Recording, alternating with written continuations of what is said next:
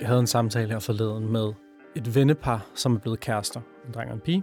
Pigen, der, der får jeg at vide, at de er blevet kærester. Jeg får en lang historie om, hvordan de er blevet kærester, og det, der førte frem til der endelig alle mulige ting. Men drengen, der var sådan der, hey, jeg hører, I er blevet kærester. Og var sådan, ja, fedt nok, okay. Det var det. Der var ikke så meget mere. Det var sådan, ja, okay, helt sikkert. En af drengene er en podcastserie produceret og lavet af mig, Arance Ræ for Papercut Issues. Du skal nu høre fjerde afsnit i serien, men føler fri til at høre det i lige den rækkefølge, der passer dig. I det her afsnit skal du høre Jonathan. Han er 28 år og fortæller mig om en oplevelse, hvor en ven var der for ham i en tid, hvor der virkelig var brug for det. Du skal også høre Jonathans fortolkning af Superman, og hvordan hans forståelse af det at være mand har ændret sig gennem tiden. Det er så klichéagtigt at sige, at kvinder er bedre til at tale om følelser. Men det er bare mit indtryk, det er bare min erfaring, at i er meget bedre til at tale om følelser. Og sådan der at, at forstå, hvordan man skal håndtere det, når nogen kommer og siger, ej, jeg er ked af det, eller ej, jeg er et eller andet, ikke? Sammen undersøger vi eksisterende kønsstereotype forestillinger, der mange gange kan ligge i drenge- og pigevenskaber. Altså du med drengevenner, så, er det, så, så kommer rådene på banen, ikke? Så skal vi fikse den, ikke? Nu, ej, da min håndvask skal gå i stykker, jamen, så reparerer vi den, ikke? Det er jo ikke helt det samme med følelser. Og nu læser jeg selv psykologi, så det er jo klart, at, at jeg har et lidt andet forhold til det. Men jeg mener, det der med bare at lytte empatisk, uden at skulle fikse eller hjælpe, men bare at sige, ej, jeg er vildt ked af det over det her. Det hører jeg så tit piger sige. Og så at veninderne er skidegod til bare at sige, det kan jeg godt forstå. Jeg kan godt forstå, at du bliver ked af det. Og så er det det. Hvor mænd, det er lidt sådan der, har du prøvet det her? Eller du ved, ikke? Og det, det synes jeg, øh, kvinder generelt er bedre til. Men det er jo også, det er jo en kunst. Jeg tror, jeg har sagt det til flere af mine gode veninder her på det sidste, at, at jeg er meget taknemmelig, når de bare kan være med mig i følelsen. Så du oplever i virkeligheden, at, at, at blandt dine pigevenner, at det ikke er alle, der kan finde ud af at lytte. At folk, er der også, er der også fixere blandt dine piger? ja, det tror jeg. Jamen, det er da meget rart at vide. Men det, det er jo bare det, det er jo det dejligste, og jeg arbejder også på ikke selv at være fixer, men bare tune ind og sige, det lyder vildt hårdt, eller jeg kan virkelig godt forstå, at du er træt, eller ked af det, eller sovet, og bare være i den følelse. I virkeligheden er det jo, det er jo en kæmpe øh, vægt, eller sådan en byrde, der bare bliver kastet af en skulder, når man finder ud af, jeg behøver ikke at hjælpe vedkommende, jeg skal bare lytte. Det er så nemt. Det er jo bare sådan der, øh, kick back and relax. Altså du ved, sæt dig armene op med sofaen, og så bare, øh, bare slap af. Vi behøver ikke at gøre noget, vi skal bare lytte. Det, det er så simpelt.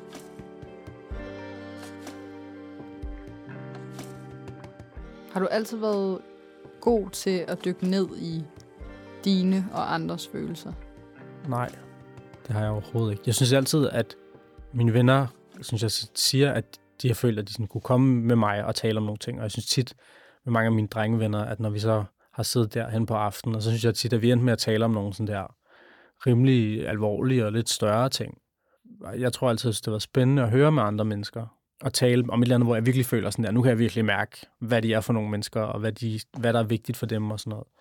Men jeg synes, jeg synes, jeg har aldrig selv været særlig god til det. Det er først, når jeg, efter jeg begyndte at arbejde lidt med mig selv, og begyndte at mærke lidt efter, som jo har taget, altså i virkeligheden er en proces, der har taget lang tid. Det at lære at sætte ord på sine følelser har for Jonathan været en del af et større arbejde. Det kom i høj grad til udtryk, da Jonathan ret pludselig mistede en ven. Her oplevede han, hvordan en anden ven stod klar og var der for ham i en tid, hvor der virkelig var brug for det. Jeg havde på et tidspunkt, hvor en af mine kammerater var blevet skudt, og hvor at jeg havde sådan lidt undgået at forholde mig til det, og hvor at vi jeg så var taget et sommerhustur, og jeg havde ikke rigtig... Jeg havde bare haft en måned, hvor jeg bare lidt havde været på flugt for at forholde mig til det her. Og så drikker jeg mig fuld for første gang, mens jeg er i sommerhus der. Jeg drikker mig rigtig fuld. Og så skulle vi gå ned, og de andre, de gik ligesom foran ned på vej ned til vandet. Og jeg går bagved med Nikolaj, med ham, min kammerat.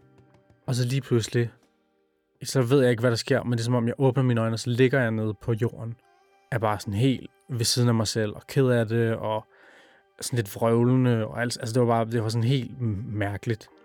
Hvor at øhm, alle os, som ligesom kendte ham, der var blevet skudt, vi skulle igennem, vi skulle tale med noget. Der var krisepsykolog og sådan nogle ting. Det var rimelig voldsomt, den måde, det skete på. Men der kan jeg huske, at der havde vi et nummer, vi skulle ringe til, hvis der ligesom skete noget.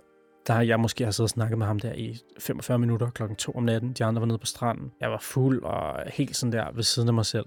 Og der kan jeg huske ham, min kammerat, han, han var der bare. Han, han sad bare og ventede.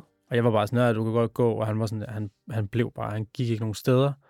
Og var også i tiden efterfølgende bare helt vildt sød. Og bare sådan virkelig øh, sindssygt støttende. Og flere gange sådan lige tjekket op og hørt om alt var ordentligt, ikke? Og sådan nogle ting.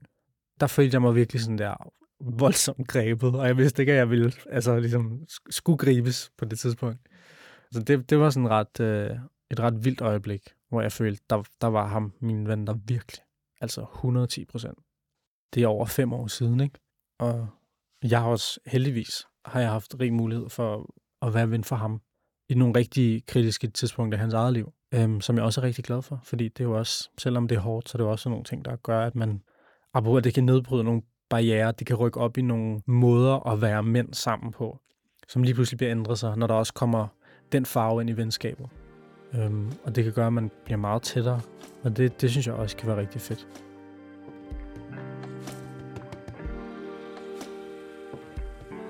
Var det første gang, I oplevede noget så kritisk sammen? Ja, det var det.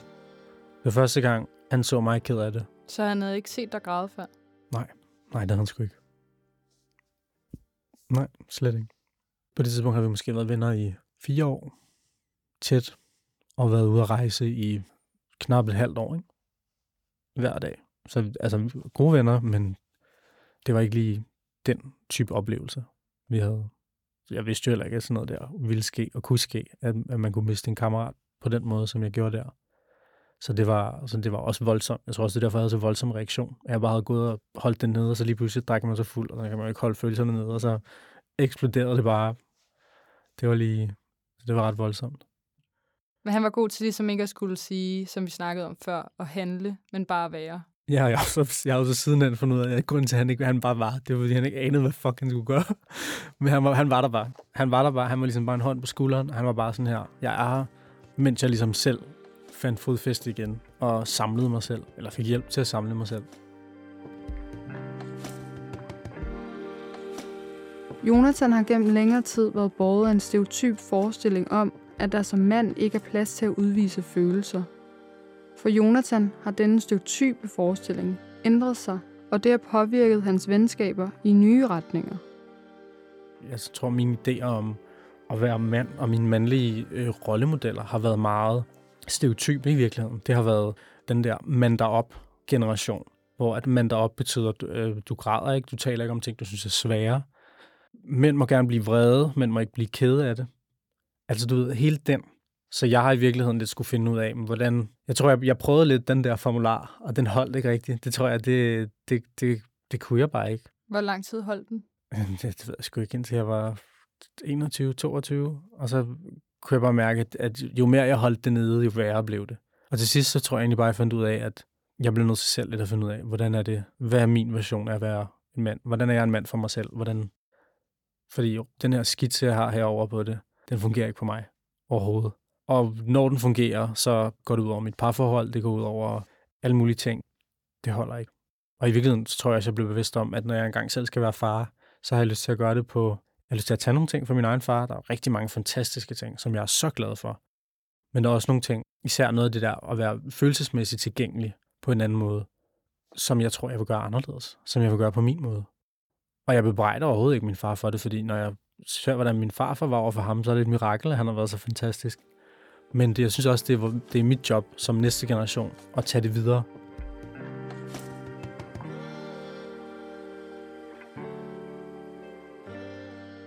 tror, at billedet af, hvordan man er mand, det ændrer sig for det bedre.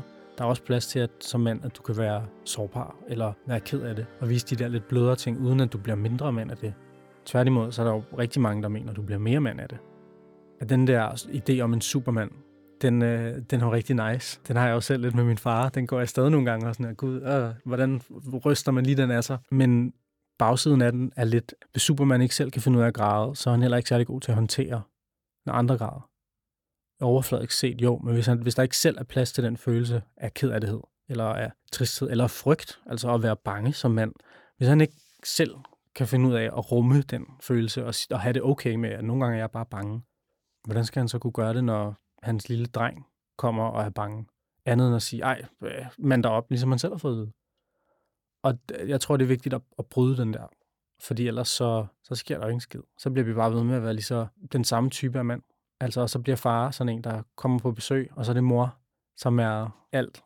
Ikke? Og, det, og det tror jeg, at det, det ærger mig et eller andet sted, at jeg tror, der er så mange fædre, som, som kunne være de der omsorgspersoner på lige fod med mor, men som ikke rigtig ender der, fordi at vi ikke er i stand til at vise den omsorg, for der er ikke nogen, der har lært os det.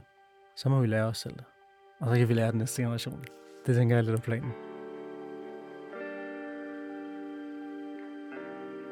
Hvad har du udviklet din Superman til? Jamen i virkeligheden til at være mere rummende overfor at være bange og være ked af det. Og at, at, at en Superman-ting kan også være at, at kunne tale om det. Og ikke at være bange for at i talesætte dem i virkeligheden. Og det kan også være den måde at være en mand på, synes jeg. At, man, at når du ser noget som en sårbarhed, eller noget, som er svært, eller hvis der er nogen, der er bange, at du går ind og i talesætter det og gør noget. Men det synes jeg også, det kræver også mod på en eller anden måde. Det handler i virkeligheden om at, at, at kunne rumme det hele. Og så er det også fedt at være mand og kunne komme ud og, og øh, sætte, øh, ordne vasken og øh, bygge et eller andet ud af træ og sådan noget. Det synes jeg også er fedt, og det synes jeg også er en del af det, fordi det er det, jeg har fået fra min egen far. Men jeg synes også, der skal være plads til det, man traditionelt set måske vil sige, den mere moderlige side. Den sådan der omsorgsgivende. Det synes jeg også, at far skal kunne. Det synes jeg endda er hamrende vigtigt.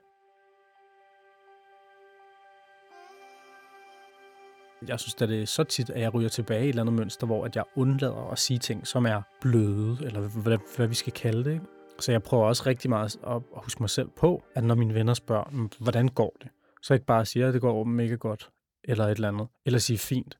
Altså at, at prøve også selv at åbne op og give dem mulighed for at, at, ligesom at byde ind til den der snak. Fordi hvis jeg ikke selv gør det, mm, så, så giver jeg dem jo ikke chancen for at være det, som jeg i virkeligheden ville synes var nice jeg tror bare, jeg prøver at gå ind i den og virkelig udfordre mig selv på det, fordi ja, så jeg kan lære mig selv det på ny, ikke? Eller hvad man nu siger. Så er det 100% en muskel, jeg skal træne om og om igen, og blive ved med sådan. Og jeg kan mærke, at det at skulle åbne op over for, for drengevenner, det kan nogle gange være, det synes jeg nogle gange kan kræve mere mod, end at skulle et eller andet andet, som du ved, sådan, jeg har en eller anden stereotyp idé om, at det er mod, ikke? Øh, og gå hen og sige til, øh, prøv lige her, kammerat, sådan der skal du ikke tale til hende der, en eller anden, der står og skriger nogen på gaden. Jeg synes, det kan kræve næsten den samme mængde mod at skulle sige, øh, ved du hvad, jeg synes faktisk, det her er mega svært. Eller et eller andet, ikke? Og man, det, det, øh, du ved, det kommer nærmest øh, eksploderende, fordi det kan være svært at sige. Øh, jeg bliver bedre til at finde ud af, hvilke venner, der kan, og hvilke, der ikke kan. Og så tror jeg, at de venner, som jeg føler kan, dem helt naturligt, uden at tænke over det, så kommer jeg til at investere mere tid i dem. Jeg, jeg føler, at mange af dem kan. Der er også nogle gange, hvor man ikke kan. Det sviger lidt. Altså, det er ikke en fed følelse, men det er jo en del af det. Men startede du med at spørge, hvad er venskab for mig? Og der tror jeg, og der sagde jeg loyalitet og sådan nogle her ting. Og jeg tror i virkeligheden, at når jeg tænker på, at det loyalitet er stadig hammerne vigtigt.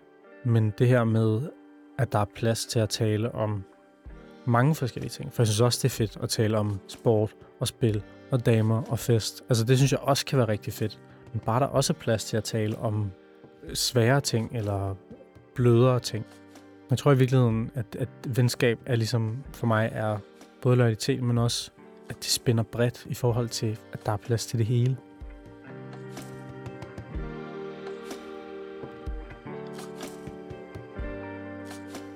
Du har lyttet til fjerde afsnit i podcastserien En af drengene.